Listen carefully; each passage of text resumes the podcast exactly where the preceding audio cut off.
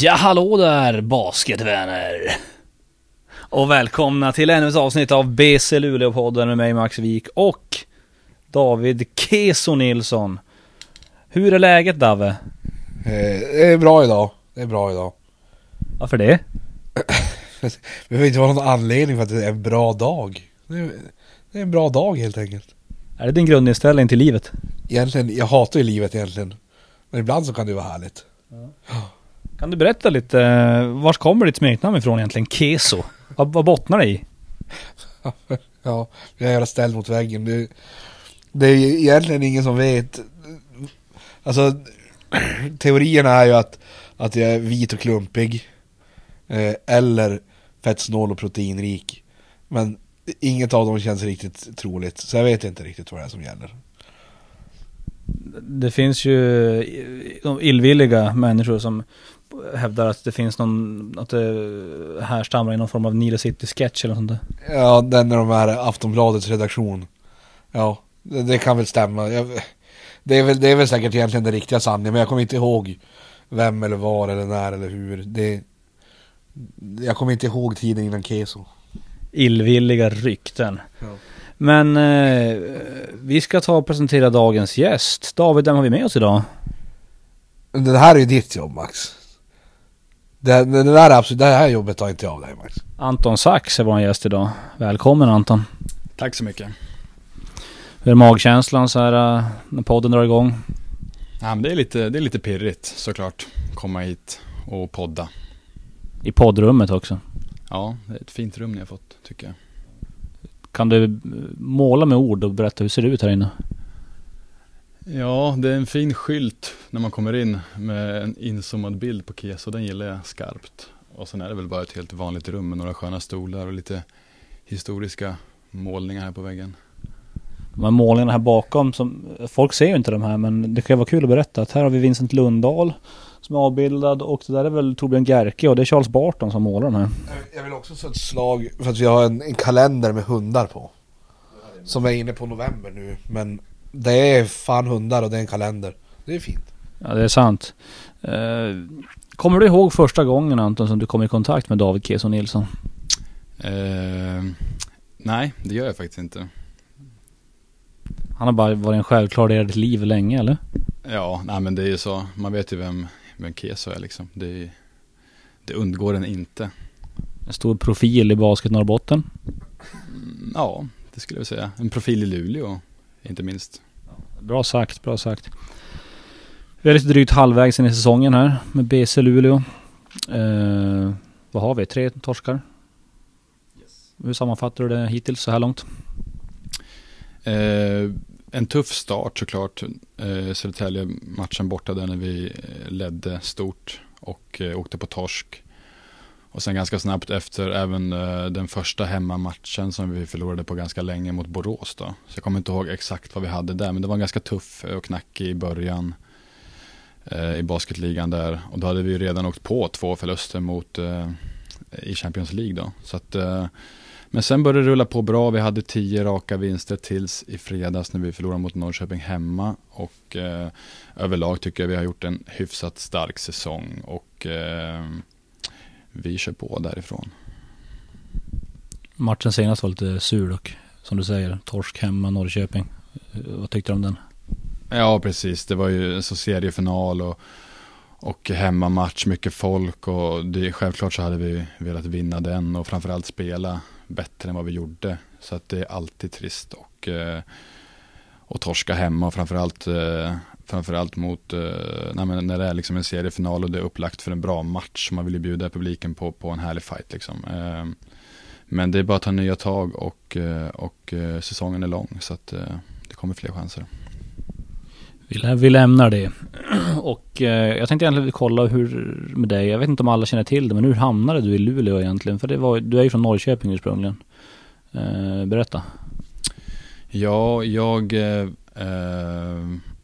jag var skadad i ett par säsonger och hade inte spelat basket på två säsonger tror jag det var. Och, eh, så då besökte jag väl lite olika skolor i landet och eh, så kom jag in på här i, på LTU då. Och eh, fick väl reda på det ganska sent på sommaren där, 2015 tror jag det var. Och och på den vägen, på den vägen vart det väl lite så att jag ringde väl till Peter och, och nej, men hörde mig för om det, om det fanns möjlighet att komma hit och, och liksom spela och plugga eh, kombinera de två. Och, eh, det gick alldeles utmärkt så att eh, på, på, den vägen, eh, på den vägen är det. Var det liksom Hade du flyttat även om du inte fick en plats i BC Luleå? Det är svårt att säga. Jag tror nog jag hade velat spela basket också. Så hade jag inte fått det så hade jag nog stannat hemma i Norrköping och spelat där och pluggat på Linköpings universitet. Det tror jag nog. Kan du berätta lite, vad, vad är det du pluggar och när är du klar? Jag pluggar eh, en ekonomikandidat med inriktning på nationalekonomi och jag är klar nu till sommaren förhoppningsvis då, om allt blir som det ska. Så då eh, blir det heltidsjobb och heltidsbasket eh, efter sommaren eller hur går planerna, tankarna kring det? Mm, det får vi se, det är inte bestämt än riktigt så. Eh, men det finns ju möjlighet att jobba och spela. Liksom. Det, är, det är ganska bra kombination även om det, jag tror att det, man underskattar nog lite att det, det, är nog ganska jobbigt att hålla på så i för många år. Men ett par säsonger så funkar det säkert. Så det är, väl, det är väl någon typ av plan att göra så framöver, självklart. Men just nu så jobbar du, pluggar du och spelar basket? Jo, men jag jobbar inte heltid. Så att jag, jag, jag jobbar ju som inhoppare på, på Swedbank. Så det är ju liksom, det kan man ju styra ganska mycket själv och eh, det finns ju inte alltid behov heller. Så att det kan ju gå flera veckor utan att jag jobbar. Okej, då är jag med. Ska vi backa bandet? Vi brukar gilla att göra det i den här podden, eller hur Dave? Det, det är favoritdelen, säger jag. Vi backar bandet? Backa bandet, ja. Ska jag säga något mer? Jag gillar bara att titta på dig. Uh, och vi backar någonstans till Norrköping. Uh, där du är ifrån. Född och uppvuxen eller? Ja, det stämmer. Och du började spela basket när du var? Uh, ja men det var väl när jag var typ sju, åtta år kanske. I skolbasket. Ett skolbasketlag som heter Svärtingehus hette det då. Det finns väl inte kvar. Skolbasketlag till och med? Ja precis. Det, det fanns ju som ett, för de som var eh, lågstadie till mellanstadiet fanns det ju att alla skolor hade sitt, sitt lag då. Lite liknande vad det är här kanske. Men det finns inte kvar längre. Så då fanns det ett gäng lag då som möttes i en skolturnering. Så det var så jag började med basket. Okej, okay. kommer du från en basketfamilj eller, eller har du någon sportbakgrund inom familjen? Eller? Eh, ja, inte riktigt. Pappa har väl spelat basket på låg nivå eh, och sådär och har väl alltid varit intresserad av sport men inte, att, inte någon vidare basketfamilj, det kan jag inte säga. När insåg du att du hade lite talang då? Mm. Ja, det försöker jag inse än. Nej, men eh, eh, det, ja, man kommer väl med i sådana här ungdomslandslag och sånt. Och då börjar man väl kanske förstå så här, jo men om jag kommer med här, då, då måste de ju tycka att jag är bra i alla fall.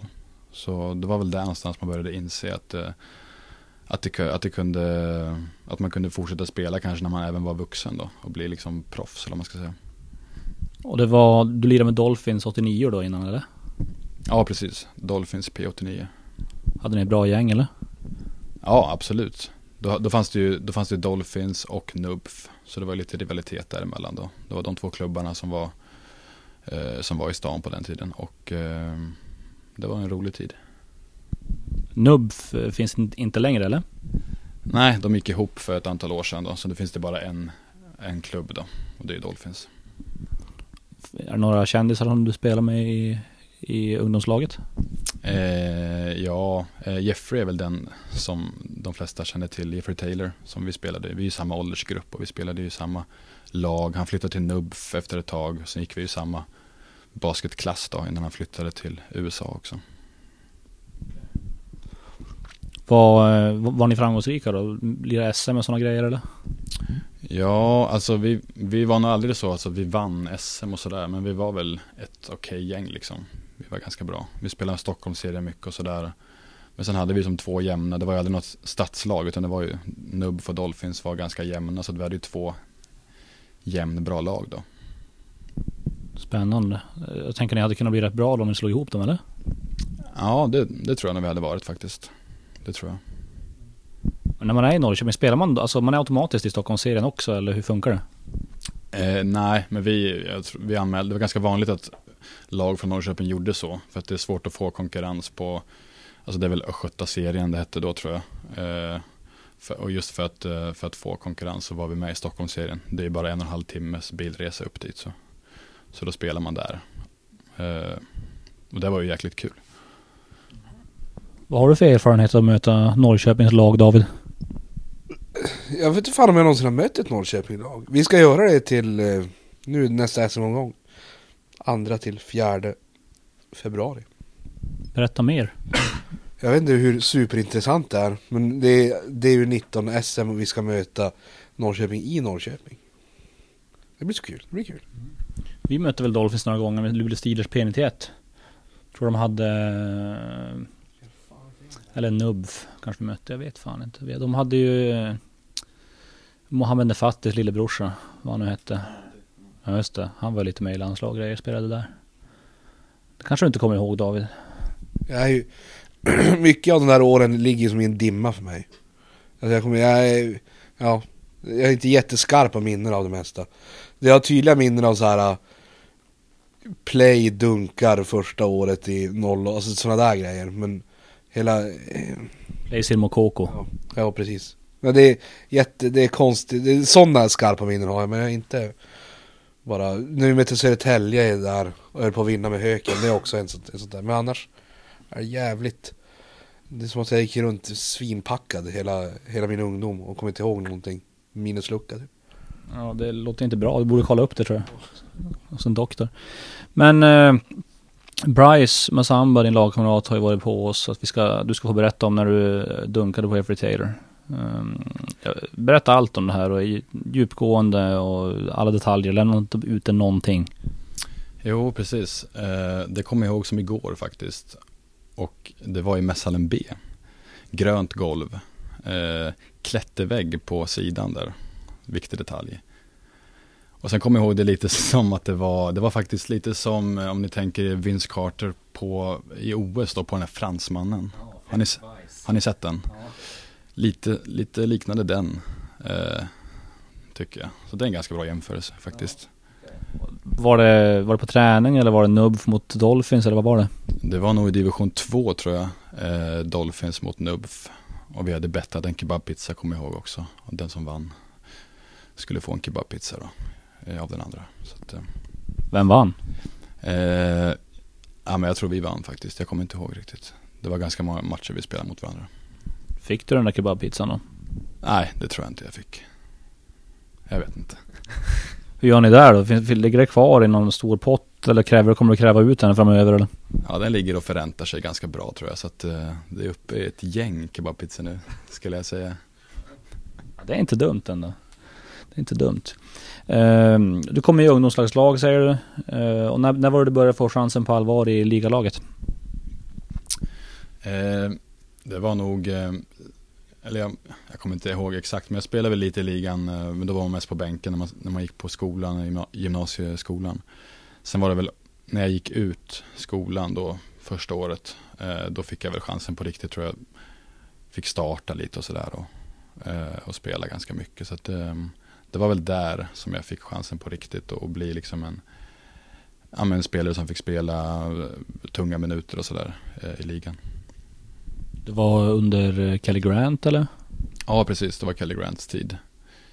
Eh, det var egentligen, det var många år med Kelly Grant. Det var väl, eh, Paul kom väl sen efteråt. Så det är väl de två coacherna som jag har haft i, i Dolphins. Egentligen. Vad, vad är dina bästa minnen från att spela med, i ligan med Dolphins? Det har ju blivit några år och något guld också. Ja, precis. Det är väl de två SM-gulden är ju, är ju härliga minnen. Först, framförallt det första när vi vann hemma. Och det var ju det första guldet på många år. Så att eh, det var 2010. Då vann vi faktiskt mot Plannja också hemma.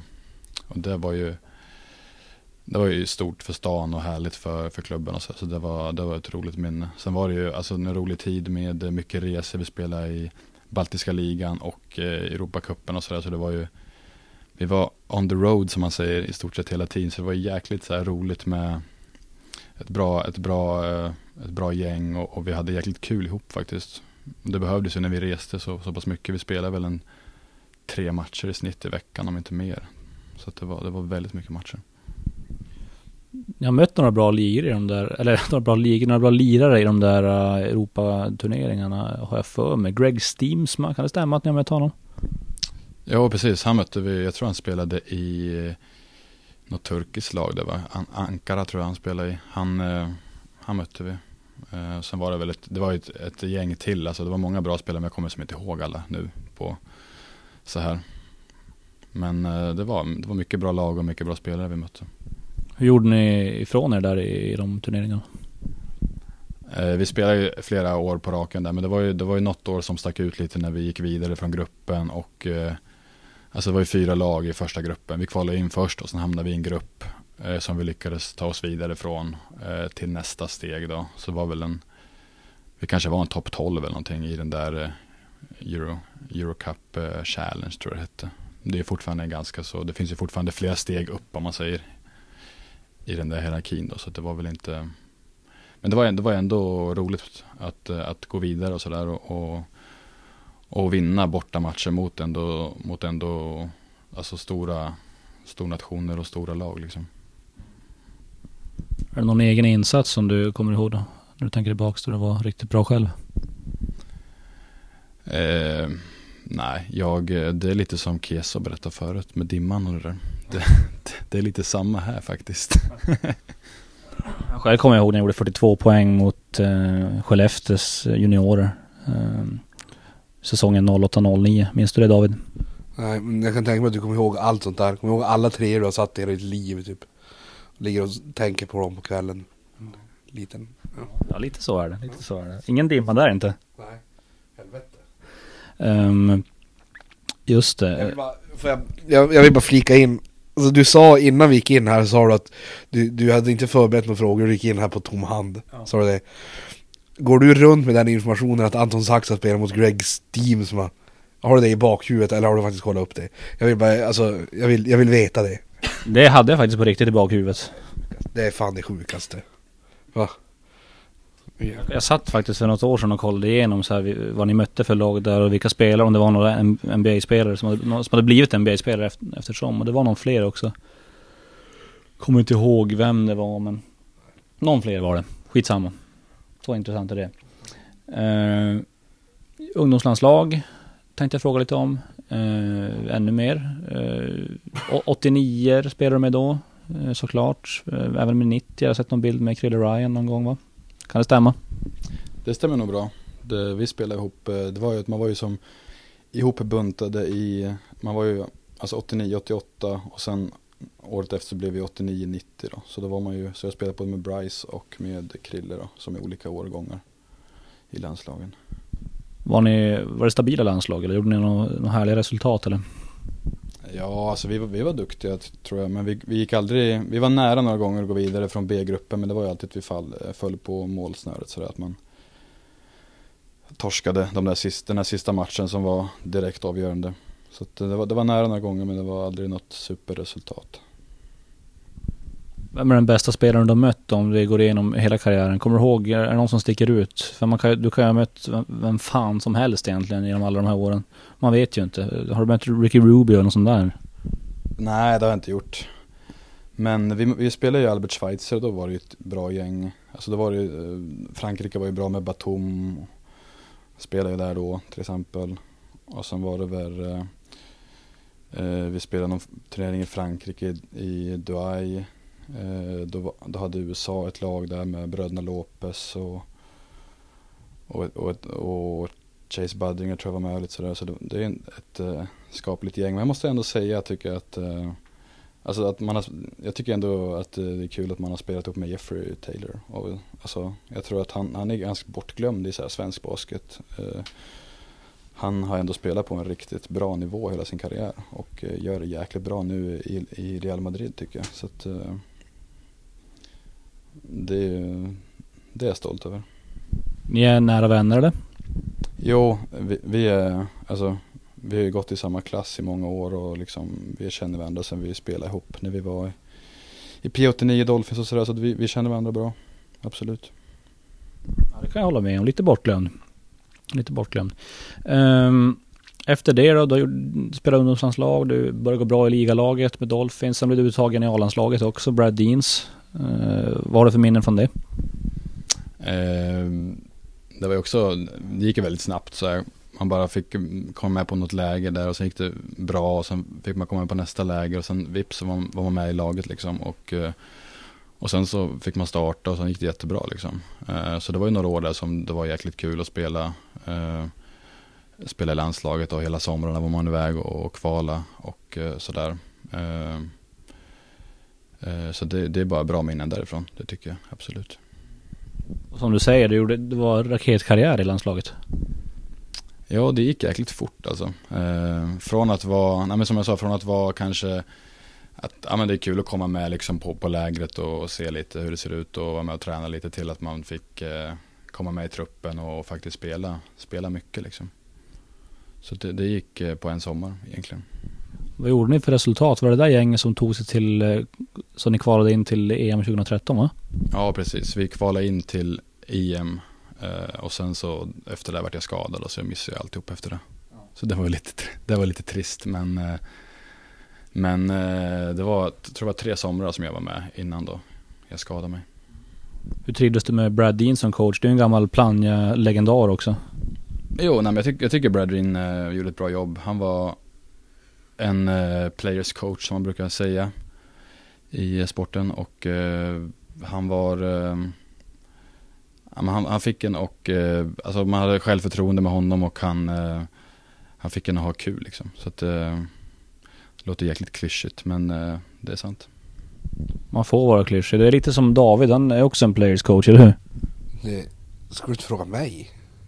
Ja, det kanske, jag vet inte. Kanske. Jag, jag, jag, jag vet inte vad du vill att jag ska säga Max, så sitter du bara och stirrar mig i ögonen. Jätte... Ja, ja men vi, vi säger att jag är en players coach då. Hur hade du beskrivit dig som coach annars? Om inte jag hade ställt den här väldigt eh, ledande frågan. Nu börjar ta på. Ja, nej. Jag, jag, jag vet inte hur jag ska beskriva mig. Jag... Jävla, du behöver ställa mig mot väggen här. Det var jag inte alls beredd på. Uh, nej, men jag vet inte. Jag, det, är väl, det är väl kul om alla inblandade har roligt. Och det är väl, så det är väl dit man vill nå. Och så sen om man kan vinna på kuppen så är det extra roligt. Men, eller så, det faktiska är ju att det är inte så jävla många som har roligt om man förlorar. Så grunden är väl att det är kul att vinna och så sen vill man att så många som möjligt ska ha roligt på vägen och sådär. Låter som en sund inställning. Ja. ja. Det är viktigast att ha roligt men det är roligast att vinna. Bra sagt, bra sagt. Jag vill säga det också att jag har gått, det här har ju vi känt till länge men man har gått och hållit och vetat om och inte fått säga någonting. Men du har ju, blivit, du har ju fått en eh, tjänst på Luleå Basgymnasium också David. Och det tycker jag, det vill vi säga grattis från vi övriga i podden. Eh, fem, den andra 50% halvan av, av podden så att säga. Så grattis till det David. Tack, tack så mycket, det är roligt. Bra, då återgår vi till Anton. Eh, herrlandslag och sen skadade du dig, som du sa. Vad hände? Eh, det, jag hade haft problem under flera års tid då. Eh, som, som bara varit värre och värre typ egentligen.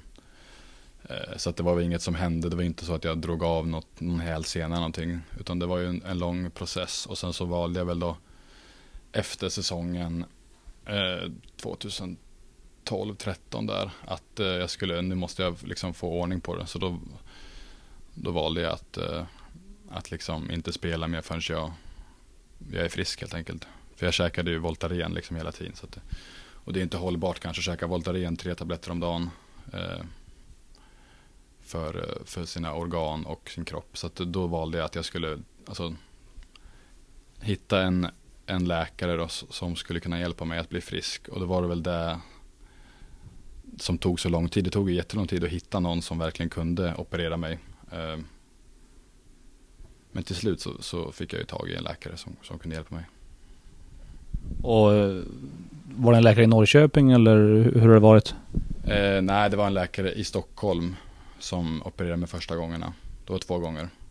Och sen var det väl inte riktigt bra heller så fick jag operera mig i Umeå. Det var ju bara för två säsonger sedan då. Och efter det så har det känts jättebra faktiskt. Så. Jag tänker så här, det måste kännas magiskt kul att få komma tillbaka när man har haft sån lång eh, frånvaro från spel och känna nu att nu känns det bra igen. Ja, men det är ju, alltså man, man tar ju, det går ju ganska fort att man vänjer sig vid att man är bra också. Så att man får ju komma ihåg ibland att man har haft jävligt ont eh, eh, vissa tider och sådär. Så att eh, det är ganska lätt att man, man hamnar i det här att ja, men nu, nu mår jag bra och sen så bara tar man det för givet liksom. Men det, det är superkul att jag kan spela igen utan att ha ont liksom. Så att det, det får man vara jäkligt tacksam för. Här, här vill jag flika in. Det är så här, jag, jag tror att det här är någon slags personlighetsstörning med men jag har svårt att unna folk saker. Det har vi pratat om jag och Max förut några gånger. Alltså så här, unna folk när det går bra. Men en, en sak som man faktiskt unnar det är så här folk som, som rehabbar skador jävligt länge och sen kommer tillbaka och får spela igen. Och det är jävligt roligt. Det är ihärdigt och kul och, och det är jävligt roligt att Anton Sax är, är, är bra. Ja, det känns ju jätteskönt när Keso säger så faktiskt. Ja, det var den reaktionen jag hade väntat mig faktiskt. Um, man unnar ju Adam Rönnqvist när det går bra också. Ja men det är ju mer inbyggt. Det, det sitter väl i alla. Men det är det, ja, ja så får vi väl säga då att det är. Däremot Bryce Massamba, då mår man lite piss. Nej, Bryce är också cool. Bryce är cool. Men främst folk som har dunkat på Jeffrey Taylor undrar man ju att det ska vara bra. Alltså de är coola. Ja. Det är, jag vet inte, är det en stor klubb? I, vad tror du? Är det en stor eller en liten klubb i svensk basket? Dunka på Jeffrey Taylor-klubben? Ja. ja. den, är ju, den är väldigt liten. Det, det, är nog bara jag och Bryce som är där tror jag. Jag har ingen aning faktiskt. Jobbar ni med en sluten Facebookgrupp där man blir inbjuden när man har gjort det eller hur funkar det? Ja det är lite så att det, det, får man ju se när man väl gör det. Vad som händer då. Då plingar det som till. Så blir man liksom inbjuden till massa olika evenemang och sådär. Så att det kommer du aldrig få veta om du inte... Oh, är det så när man blir... Det finns ju något så här, Som när man blir president i USA blir man intagen i något så här rökigt jävla rum med så här tio stycken vita män som bestämmer allting i hela världen egentligen. Så får man bara veta allting. Vad det här, Bigfoot finns, utomjordingar finns, allting sånt där. Är det lite så när man har dunkat på Jeffrey Taylor också? Ja, alltså det är lite, det är lite hysch-hysch kring det där då, men eh, jag kan inte avslöja för mycket. Men, men det, det finns ju en viss eh, klubb där. Någon form av invigningsritual och det där. Men det, det har man ju hört, men mer än så vet man ju inte såklart. Eh, vad är det största du varit med, på, med om på en basketplan då? Stor fråga. Eh, sportsligt så är det väl att vinna SM-guld, måste det väl vara, tror jag. Eh, och sen var det väldigt stort när vi tog oss vidare till EM också. Det var, det var roligt. Så det är väl de två grejerna som är det största. Var några sådana här personliga eh, grejer som du minns extra väl då? Som du själv har ut, utfört, förutom den här dunken då? Eh, nej, alltså egentligen inte. Jag, eh, jag är jäkligt dålig på att komma ihåg saker faktiskt. Så det är den här dunken som jag har sparat i minnet liksom. Så det, det är den jag är stolt över. Men eh, är du lite teamplayer också på det sättet att du inte värdesätter de där individuella grejerna lika mycket eller? Um, ja men teamplayer det är väl det, det, är nog, det är väl alla som spelar lagsport tror jag, de flesta i alla fall. Uh, och sen så är det väl, det är väl inte så jäkla kul att sitta och prata om något själv som man har gjort som är så jäkla bra. Det känns lite fånigt tycker jag. Faktiskt, om jag ska vara ärlig. Men, men eh, och sen glöm, man glömmer ju bort jäkligt fort också vad man gjorde för förra säsongen eller för två säsonger sedan. Det, man tänker liksom framåt så det är inte så mycket man går och tänker på. Så kan man göra. Sitter, själv sitter man och minns gamla goda minnen och pratar om hur jävla bra man var för, några, för tio år sedan. Och hade, hade inte det där hänt då hade det blivit något stort alltså. Ja, det, jag har tappat räkningen hur många gånger jag har hört att Max snittar 29,5 poäng i... 27,5. Ja, 27,5. Du ser, det bara läggs på hela tiden. 27,5 poäng i juniorserien. Det är kanske är ett dagligt samtalsämne. Ska jag tro. Ja, där är, man, där är man olika. Och tur är väl det. Det var ju tråkigt om alla var likadana, eller hur? Ja men precis, så är det ju. Bra sagt, bra sagt. Um, när du gick ut eh, gymnasiet sa du det var då du började få eh, speltid också i ligan. Hade, fanns, hade du några planer på, på high school, college och sådär som till exempel Jeffrey gjorde och Bryce och de här grabbarna? Ja, det hade man väl alltid. Alltså det snackades ju om det hela tiden. Men det var väl också, då var det så mycket, jag vet inte hur det är nu riktigt, men då var det mycket snack om att hade man spelat som proffs så, skulle man få stå över matcher och, och hela den där faderullan som det var. Och då, jag hade ju spelat med Dolphins ganska tidigt eh, när jag gick i skolan och sådär innan det blev aktuellt med high school och college så då valde jag väl att strunta i det där för att eh, just för osäkerheten att jag visste inte hur det skulle bli när man kom dit liksom. Så att jag, jag, jag försökte nog aldrig riktigt eh, liksom jag gjorde aldrig ett försök riktigt att ens gå på college om man säger så. Man får vara en red shirt eller vad den heter. Något sånt. När man, om man har tjänat pengar, eller är det så det är kanske? Ja, jag vet inte exakt hur det var eller hur det är, men det var väl om man hade spelat professionellt, alltså i en liga där folk är professionella, att folk tjänar pengar i den ligan eller hur det var. Så fick man stå över ett x antal matcher då. Och det kunde bli upp till en hel säsong liksom, som man inte fick spela på. Nu har du vunnit tre SM-guld då, om jag räknar rätt. Um, varit med i A-landslaget och spelat i två olika ligalag och så vidare. Vad har du kvar som du vill uppnå i karriären? Eh, ja, alltså det finns väl massa man skulle vilja uppnå men eh, så får man vara lite realistisk också och eh, så får man väl tänka så här att eh, eh det är ju kul att vinna några fler SM-guld. Så att eh, ett i taget men alltså minst ett till SM-guld det vore ju det vore roligt. Och ni vann eh, för ett år sedan, lite, lite mindre än ett år sedan eh, såklart. Det har vi inte glömt. Första guldet för BC Luleå på tio år. Eh, hur var det att som Luleå-spelare stå och vinna och jubla och, och tänka att Norrköpingspojkarna, de, de är inte jag med utan jag vann med det här gänget. Var det konstigt eller? Nej, det var inte ett dugg konstigt. Det kändes eh, precis lika skönt som det gjorde att vinna eh, de andra gångerna tyckte jag. Utan det var ju liksom, man, man är ju ihop hela laget hela säsongen och det blir ju som att man vinner det tillsammans med, liksom, med sitt lag och, och eh, ja, men det, var, det var bara superkul såklart. Vad tycker de hemma i Norrköping om att du spelar i Luleå? Eh, de, jag vet inte riktigt vad de tycker. De, eh, de har slutat gå på matcherna nu för att de tycker det är trist när inte jag spelar. Nej då, men, men eh, de, de kallar mig för Judas på lite, på lite skämt sådär. Vet inte vad jag ska tycka om det. Det får man väl ta antar jag. Det ingår. Ja men precis, det ingår. Det är med glimten i ögat också, hoppas jag.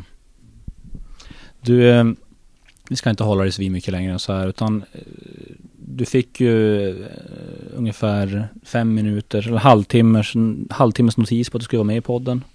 Har du någon sån här story från verkligheten, basketlivet, livet som du, vill, som du kan dela med dig av? Sådär, eh, något roligt som har hänt, vad som helst. Dra ur arslet, hitta på om du vill. Ja, eh, som sagt, jag fick inte någon tid på mig här att hitta, äh, hitta på någon story, så jag måste väl ta någon riktig då som har hänt. Men, men eh, jag vet inte om det är så kul, men det var, det var någon gång när vi skulle åka på någon bortamatch här Eh, och eh, så skulle vi ta bussen, jag tror det var till Jämtland kanske och sen så så, så åkte vi iväg och så brukar alltid typ Håkan eller Eddie liksom skrika bak till oss spelare att ja men är alla här liksom? Och, och då sa vi ja alla här förutom Krille, han är inte här. Och eh, och så började de garva och trodde vi skämtade liksom att Krille låg och gömde sig där bak eller någonting. Och så, så, så satt de där fram och sa, jo men Krille han sitter här fram och höll på att skämta fram och tillbaks. Och så slutade det med att då åkte vi iväg med bussen, för vi trodde ju att Krille var där fram och de trodde att han var här bak.